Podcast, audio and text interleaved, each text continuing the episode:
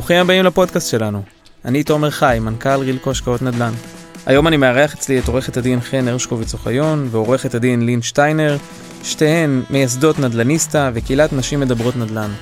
איזה כיף להיות כאן, תומר, תודה על ההזמנה. הכנו לך ככה הרבה משקיעות מעניינות שאנחנו נחשפות אליהן גם בקרב משקיעים ומשקיעות שאנחנו עובדות איתן. ואפילו שאלות uh, ממשקיעים של רילקו ממש הבאנו לך. מגניב. אני שמח שאתם כאן, והיום באמת uh, הפרק יעסוק בבסיס, בחששות, בשאלות, בכל הדברים, כל הנושאים שמעסיקים את המשקיעים. מעולה. אז באמת אה, הרשת אה, מוצפת בהמון מידע, וכמשקיע, כמשקיעה מתחילה, אה, די קשה ללמוד את התחום. אז נשמח לשמוע ממך טיפים פרקטיים כיזם מנוסה, למי שרק רוצה או מתחיל או מתחילה להיכנס לתחום הזה של השקעות, של השקעות בחו"ל. השקעות זה עולם מאוד מאוד רחב. יש המון המון תחומים של השקעות, ובכל דבר צריך להתמקצע. ומי שלא מספיק מקצועי, אז כמובן לקחת את אנשי המקצוע הרלוונטיים. גם בהשקעות בארצות הברית. חשוב להבין קודם כל מה מחפשים, מה סכום ההשקעה, מה אופי ההשקעה שמחפשים, מה מידת המעורבות שרוצים בהשקעה. אתם uh, הולכים להיות uh, משקיעים פסיביים, משקיעים אקטיביים, מה רמת הסיכון שאתם מחפשים. אתם אוהבי סיכון, שונא סיכון, מה יקרה אם אה, אה, אה, יקרה משהו לקרן של ההשקעה? אתם תחיו עם זה בטוב, או שזה אה, הכסף האחרון שלכם וזה משהו שלא יכול לקרות? ברגע שעניתם על כל השאלות האלה והבנתם מי אתם כמשקיעים ומה אתם מחפשים, חשוב מאוד, כמו שאמרתי כבר, להבין עם מי הולכים להשקעה הזאת, מי אנשי המקצוע שמלווים אתכם. יש המון המון המון חברות, המון המון אנשי מקצוע, וגם האינטרנט מוצף, מוצף במידע על השקעות נדל"ן בארצות הברית. אבל זה עולם גדול, וזה עולם שאולי נראה אה, כולו טוב ועולם של הזדמנויות, צריך לדעת איך לגשת לדברים וצריך לדעת עם מי ניגשים לזה. מעבר לזה, צריך להבין את התוכנית העסקית. ברגע שהבנתם מי אתם כמשקיעים, בחרתם את היזם אה, אה, או את האיש מקצוע שאיתו אתם יוצאים לדרך ומשקיעים, צריך להבין את התוכנית העסקית אה, של העסקה הספציפית בהם אתם מעוניינים להשקיע.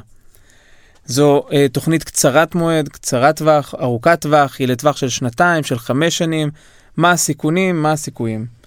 אז uh, ככה שנייה עוד לפני התוכנית העסקית, תשתף אותנו קצת uh, באמת בשלב מאוד מאוד משמעותי בעסקה, שזה בכלל איתור העסקה. אני בטוחה שאתם uh, עובדים, אנחנו מכירות שאתם עובדים מאוד חזק, עם הרבה באמת גורמים מקומיים, מגיעים אליכם הרבה הצעות. איך אתם יודעים באמת לבחור את העסקה, איך אתם בוחנים אותה? תראי, יש המון המון המון פרמטרים שמשפיעים על בחינת עסקה. יש אבל את הכללי זהב. שעליהם חשוב מאוד להקפיד ולא לסטות מהן. ברגע שאנחנו נקפיד על כללי הזהב האלה, אה, אה, עשינו כבר את רוב הדרך לעסקה טובה יותר, אה, שכנראה גם תצליח. אין 100% ודאות כמובן. הבסיס זה הלוקיישן, המיקום. צריך לדעת איפה משקיעים, לבחור את המיקום, להתמחות במיקום, להכיר את השוק, את המגמות שיש בשוק הזה, תנודתיות שיש בשוק הזה. ברגע שבוחרים את המיקום, צריך לבחור את uh, סקטור ההשקעה. אם הולכים ל... אה, אה, השקעה של אה, מתחם מגורים, אם הולכים להשקעה של מתחם משרדים ותעשייה, שגם פה צריך לדעת בתוך הסקטור הזה לאיזה אזור, בתוך האזור הגיאוגרפי שאתם מתמחים בו, ללכת.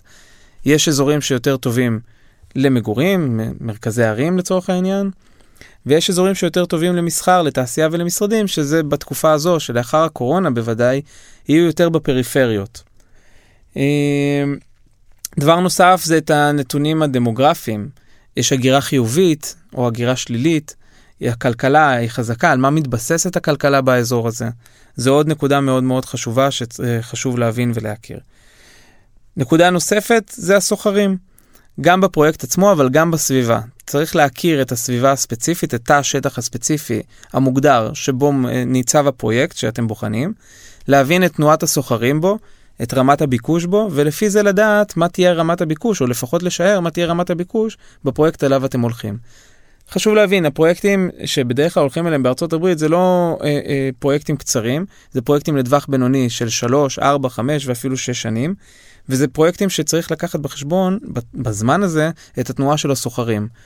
זאת אומרת, גם אם הפרויקט עכשיו, אתם קונים פרויקט או משקיעים בפרויקט שהוא מאוכלס ב-100%, זה לא אומר שזה יהיה המצב לחמש שנים קדימה.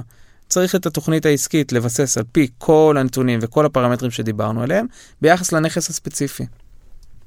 מרתק. אני מקווה שהצלחתי להעביר את הנקודה, זה עולם שלם כמובן. אה, נשמע כמו תוכן אה, לקורסים שלמים באקדמיה. אה, באמת הזכרת את הסקטור. איך בחרתם בחברה לעסוק דווקא אה, במשרדים, במסחר, אה, לעומת באמת אה, סקטורים אחרים אה, שציינת, כמו מגורים, אה, לוגיסטיקה ואחרים? קודם כל, אה, יש בכל הסקטורים פרויקטים מעולים והשקעות מעולות. גם שאני חוויתי בעצמי וגם שראיתי מקולגות או ממשקיעים אחרים שאני עוקב אחריהם. אנחנו בחרנו אה, לעסוק דווקא ולהתמחות במשרדים, במסחר, אה, בתעשייה ולוגיסטיקה, בגלל פרמטר אחד שמאוד מאוד חשוב לנו, וזה יציבות. כשאנחנו מדברים על מתחמי מגורים, אנחנו בעצם מדברים על תחלופת אה, דיירים, תחלופת שכרים אה, די קבועה. כל הזמן נגמרים חוזים, מתחילים חוזים, לשפץ, להשכיר, לפרסם. זה עבודה מאוד מאוד סזיפית, עבודה קבועה, אין איזשהו אה, פרק זמן של שקט, של יציבות, תמיד תמיד תמיד צריך להתעסק בזה. בנוסף לזה, נתונים להרבה שינויים בשוק. ראינו בקורונה שהיו הרבה בעצם אה, אה, חוקים, צווים, שהשפיעו מאוד מאוד מאוד על המתחמי מגורים, כי בעצם לא היה אפשר לפנות, לא היה אפשר לגעת בכל מי שהכריז שהוא נפגע מהקורונה. בנוסף לזה, אה, אה, בעצם כשמדברים על יחידים, יותר קשה לבחון אותם, אפילו בארצות הברית, שיש את כל עניין הקרדיט, יותר קשה לבחון אותם מאשר חברות. הטרק רקורד של חברות הוא ארוך יותר.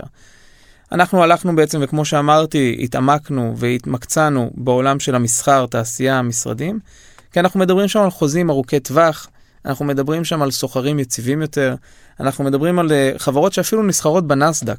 אפשר לבחון את הטראק רקורד אחורה, אפשר לבחון את הדוחות הכספיים של הנכס אחורה, אפשר לקרוא את החוזים קדימה, ובאמת לבנות תוכנית עסקית הרבה הרבה יותר יציבה, ובעיניים שלי הרבה יותר בטוחה, בטוחה בעולם של ודאות יותר גבוהה במתחמים כאלה.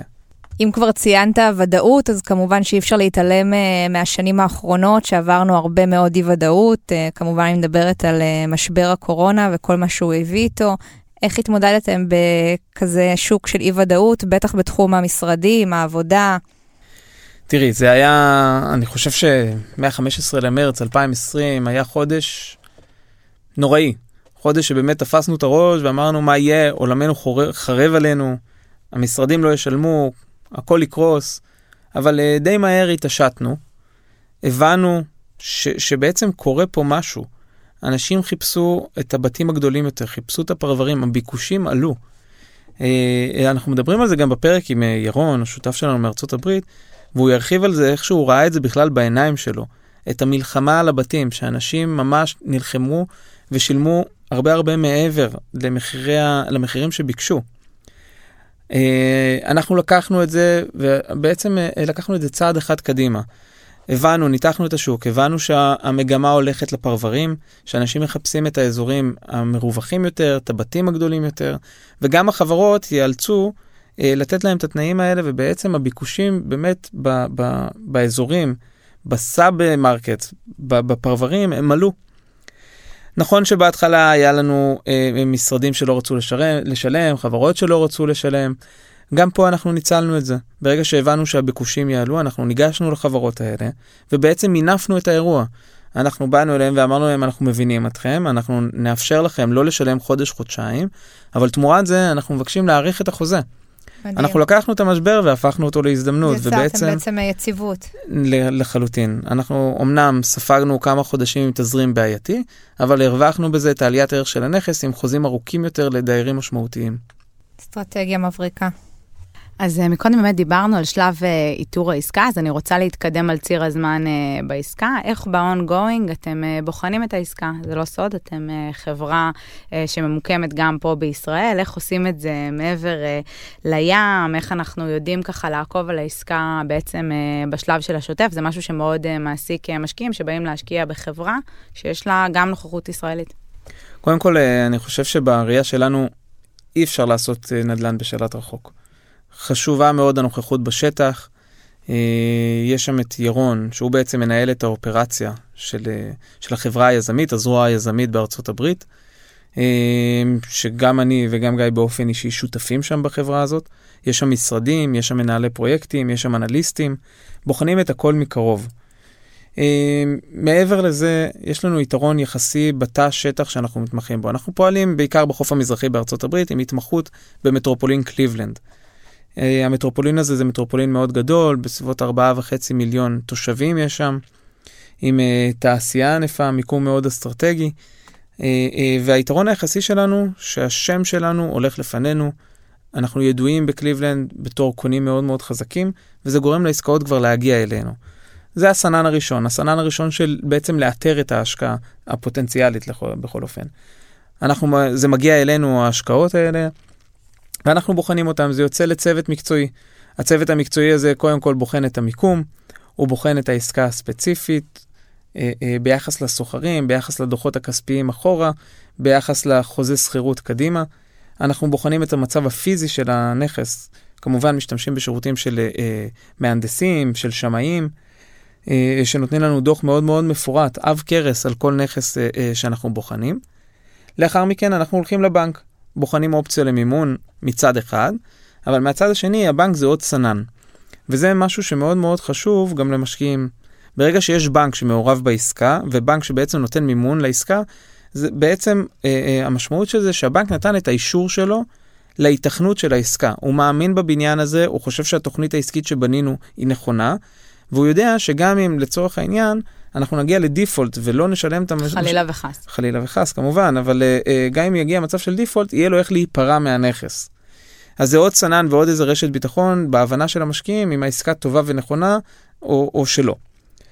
לאחר מכן, אנחנו אז בונים את התוכנית העסקית. קיבלנו את המימון, הבנו שהנכס תקין, אנחנו בונים את התוכנית העסקית. התוכנית העסקית היא צריכה אה, לדבר בעצם על החזקה, על שיפור, אה, על שדרוג הנכס וההכנסה ממנו ועל אקזיט, על מימוש. אחרי שבנינו את התוכנית העסקית הזאת, כל הספר, עב הכרס הזה מגיע לוועדת ההשקעות שלנו, שבה אנחנו מתכנסים, בדרך כלל זה עם מספר עסקאות במקביל, ובוחנים על איזה עסקה אנחנו הולכים, ובעצם העסקה הזאת היא תגיע למשקיעים הישראלים אה, אה, כאופציה להיות חלק ממנה. מעניין, אז דיברנו פה באמת אה, לפני העסקה, איתור העסקה, תוך כדי העסקה, איך בוחנים אותה, מבצעים אותה, ואפילו דיברנו גם על המימוש. בוא נדבר קצת על הניהול, על היום-יום, מי מנהל את העסקאות, עד כמה משקיעים מעורבים, עד כמה משמעותי באמת אה, הניהול בפועל. אז ככה, אז בארצות הברית אה, מקובל ואפילו נדרש להשתמש בחברת ניהול. יש אה, חברת ניהול מקצועית שהיא בעצם מנהלת את הנכס השוטף ביום יום, בשוטף. הם uh, עונים לבעיות של הדיירים, הם בעצם uh, ניגשים וגובים את הכספים, מטפלים בכל מה שצריך בשוטף. נקשרים מול ספקים, כל מה שצריך.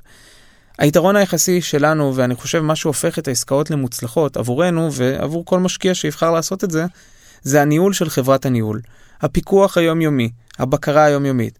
חברת הניהול בסוף המטרה שלה אה, להרוויח, זה עסק למטרות רווח. ומן הסתם הם אה, אה, לא תמיד יתאמצו, העדיפות שלהם, אה, או היא תהיה, בוא נגיד, פחות השקעה, יותר רווח, כמובן במסגרת האפשרויות והמגבלויות אה, אה, וההוגנות העסקית, אבל, אבל המטרה שלהם היא להרוויח כמה שיותר. ברגע שאנחנו מבקרים אותם אה, אה, ובודקים אותם על בסיס יומי, והם יודעים שאנחנו מנהלים את הנכס, אנחנו חוסכים המון המון המון כסף בהוצאות. אנחנו מצליחים לשפר את העבודה שלהם, ואנחנו מצליחים להביא את הנכס לתוצאות הרבה יותר טובות, שאם חברת הניהול הייתה עובדת לבד בשטח, בלעדינו, לא בטוח שהיא הייתה מגיעה לזה. אה, יש לנו שם, כמו שאמרתי, משרדים. יש לנו מנהלי פרויקטים. על כל כמה פרויקטים יש לנו מנהל פרויקט שמוגדר, שהתפקיד שלו זה בעצם להיות נוכח בשטח, לראות את הדברים מקרוב, על בסיס שבועי ואפילו יומי בחלק מהפרויקטים. זה מדהים וזה משמעותי, ואני וחן יכולות להעיד uh, באמת אחרי הרבה עבודה בעולם הנדל"ן ועם הרבה מאוד משקיעים, הניהול הוא אחד הדברים הכי חשובים בעסקה, וזה לא נכון. לא מובן מאליו. הרבה פעמים לא בוחנים אותו בשלבים נכון. הנכונים, ואז מתעוררים, ויש לך נכס, והוא לא מנוהל כמו שצריך, בין אם הוא בבעלות ישירה שלך, או בבעלות נכון. uh, ביחד, uh, בשותפות עם חברה, כמו ברילקו. מה שחשוב אבל, סליחה שאני קוטע אותך, אבל מה שחשוב זה באמת גם לחיות את השוק. אמנם דיברנו על זה שיש לנו תוכנית עסקית קדימה לחמש שנים, אבל אנחנו לא עיוורים, הולכים אחריה עם עיניים עצומות. אנחנו חיים את השוק ואת המגמות בשוק, וכמו שדיברנו על הקורונה, שניצלנו את המצב, ניצלנו את המשבר להזדמנות להאריך חוזים, אנחנו עושים את זה ביום-יום. אמנם, אה, ויכול להיות שזה לא יהיה בווליומים של משבר קורונה, אבל תמיד יש את הדיוקים ותמיד יש את הניואנסים הקטנים, ותמיד צריך להיות קשובים לדרישות של הסוחרים ולהבין מה יגרום לסוחרים משמעותיים להגיע לפרויקטים שלנו ולבחור בנו דווקא. בתקופה הזאת ניתן לראות שהסוחרים הגדולים דווקא מחפשים את ה-facilities מעבר למשרד, לאפשר לסוחרים שלהם תנאים טובים יותר, לעובדים שלהם תנאים טובים יותר. הם מאוד חשוב להם שהלובי ייראה טוב, מאוד חשוב להם שיהיה חדר כושר, שיהיה בית קפה, ואנחנו בהתאם לשוק, אנחנו קשובים לזה, ודואגים שבפרויקטים שלנו יהיה את הפסיליטיז האלה, וכך אנחנו מושכים לפרויקטים שלנו סוחרים גדולים ומשמעותיים יותר. סוחר, סוחר גדול ומשמעותי זה סוחר עוגן, זה סוחר שמעניק יציבות ומעלה את ערך הנכס בסוף. כמו שדיברת על האלטרנטיבות שיש אה, לסוחרים, בטח לסוחרי העוגן, אבל בכלל לכל סוחרים בבניינים, אז גם בפרספקטיבה של אה, משקיעים, בסוף אה, השקעות בחו"ל, או השקעות ספציפית עם חברה כזו או אחרת, היא משחק של אלטרנטיבה. אז אם ניקח את האלטרנטיבה הזאת versus שוק המקומי, לא פשוט למצוא כאן השקעות, באמת יש איזשהו יתרון לסף הכניסה להשקעות בארצות הברית. בוא תצלול איתנו פה למחשבות שלך בנושא הזה. זה יתרון מאוד מאוד משמעותי. בארצות הברית אפשר לרכוש נכסים, אם אנחנו מדברים על קרקעות גם ב-10,000 דולר, ואם אנחנו מדברים, מדברים על בתים פרטיים אה, ב-20 ו-30 ו-40 אלף דולר, אה, ואם אנחנו מדברים על להיות שותף בפרויקט גדול ויציב בבניינים, אז אפשר בדרך כלל מ-100 או 150 אלף דולר להיכנס ולהיות שותף בחלק משמעותי מפרויקט יציב. אה, עדיין, אם אנחנו משווים... הייתי שמחה לקנות בכאלה מספרים בישראל, אם אתה מגלה איפה. אם אנחנו משווים את זה לארץ, סף ההשקעה בארץ הוא גבוה יותר. אמנם כן, עם חצי מיליון שקל אפשר ללכת, לגשת ולקנות נכס, בית, אה, כמובן עם אה, משכנתה, אבל זה אומר שהתשואות יהיו מאוד מאוד נמוכות. שואפות ל... לאפס, בוא נגיד את זה ככה, במקרה הטוב, אם אנחנו מדברים על תל אביב. אה, מצד שני יש פה את הרווח המשמעותי, ואם אנחנו מדברים על הפריפריה, זה, זה יגיע ל, ל, למספר אחוזים קטן. מהניסיון שלי, מהידע שלי, 3-4 אחוז אחרי החזר המימון, זה בערך התשואות בארץ. וגם כאן אנחנו מדברים על יתרון במקרה שזה דירה ראשונה, כי אם אנחנו כבר בדירה השנייה ושלישית, אנחנו כבר נכנסים לעולמות של אה, מיסוי. מיסוי, נכון. בהחלט. נכון, וכמובן הניהול. גם בארץ, גם השקעה בארץ צריך לנהל, יש סוחרים בארץ, צריך לנהל וצריך משמעית. לראות אם יש את הפנאי לזה, כי בארץ חברות ניהול זה משהו שפחות אה, נפוץ. נכון. חן, לין, תודה רבה על השאלות. אני מקווה שככה הצלחנו לשפוך uh, קצת אור על הנושאים המעניינים האלה ועל הנושאים שמעסיקים את המשקיעים. Uh, מאוד נהניתי, תודה שבאתם. גם אנחנו, תודה רבה. אז ככה, למי שהאזינה והאזין לנו, בוא תצייד אותנו לסיכום עם uh, מספר טיפים למי שיוצא להשקעה על איך לבחור את היזם שלו. אז אם אה, ננסה לסכם את זה, את הפרק הזה, בעצם את הנושאים, על מה לשים לב, אני חושב שקודם כל האנשים, לבחון את האנשים שאתם בעצם הולכים ומשקיעים דרכם. מי היזם, מי החברה, מי עומד מאחורי החברה הזאת. לבחון את הניסיון אה, שלהם, את המומחיות שלהם, לבחון את יתרון הגודל שלהם, הם מספיק גדולים, או שהם אה, רק מציירים תמונה של גדולים ואין להם יתרון יחסי. חשוב להבין את הביטחונות שהם מאפשרים לנו כמשקיעים. וכמובן, שקיפות, אמינות, וללכת עם תחושות הבטן. אם מבטיחים לכם תשואות, מבטיחים לכם דבר שנראה too good to be true, כנראה זה too good to be true. כל כך נכון. תודה רבה, תומר. תודה רבה רבה, תומר. תודה לכם ותודה לכל המאזינים.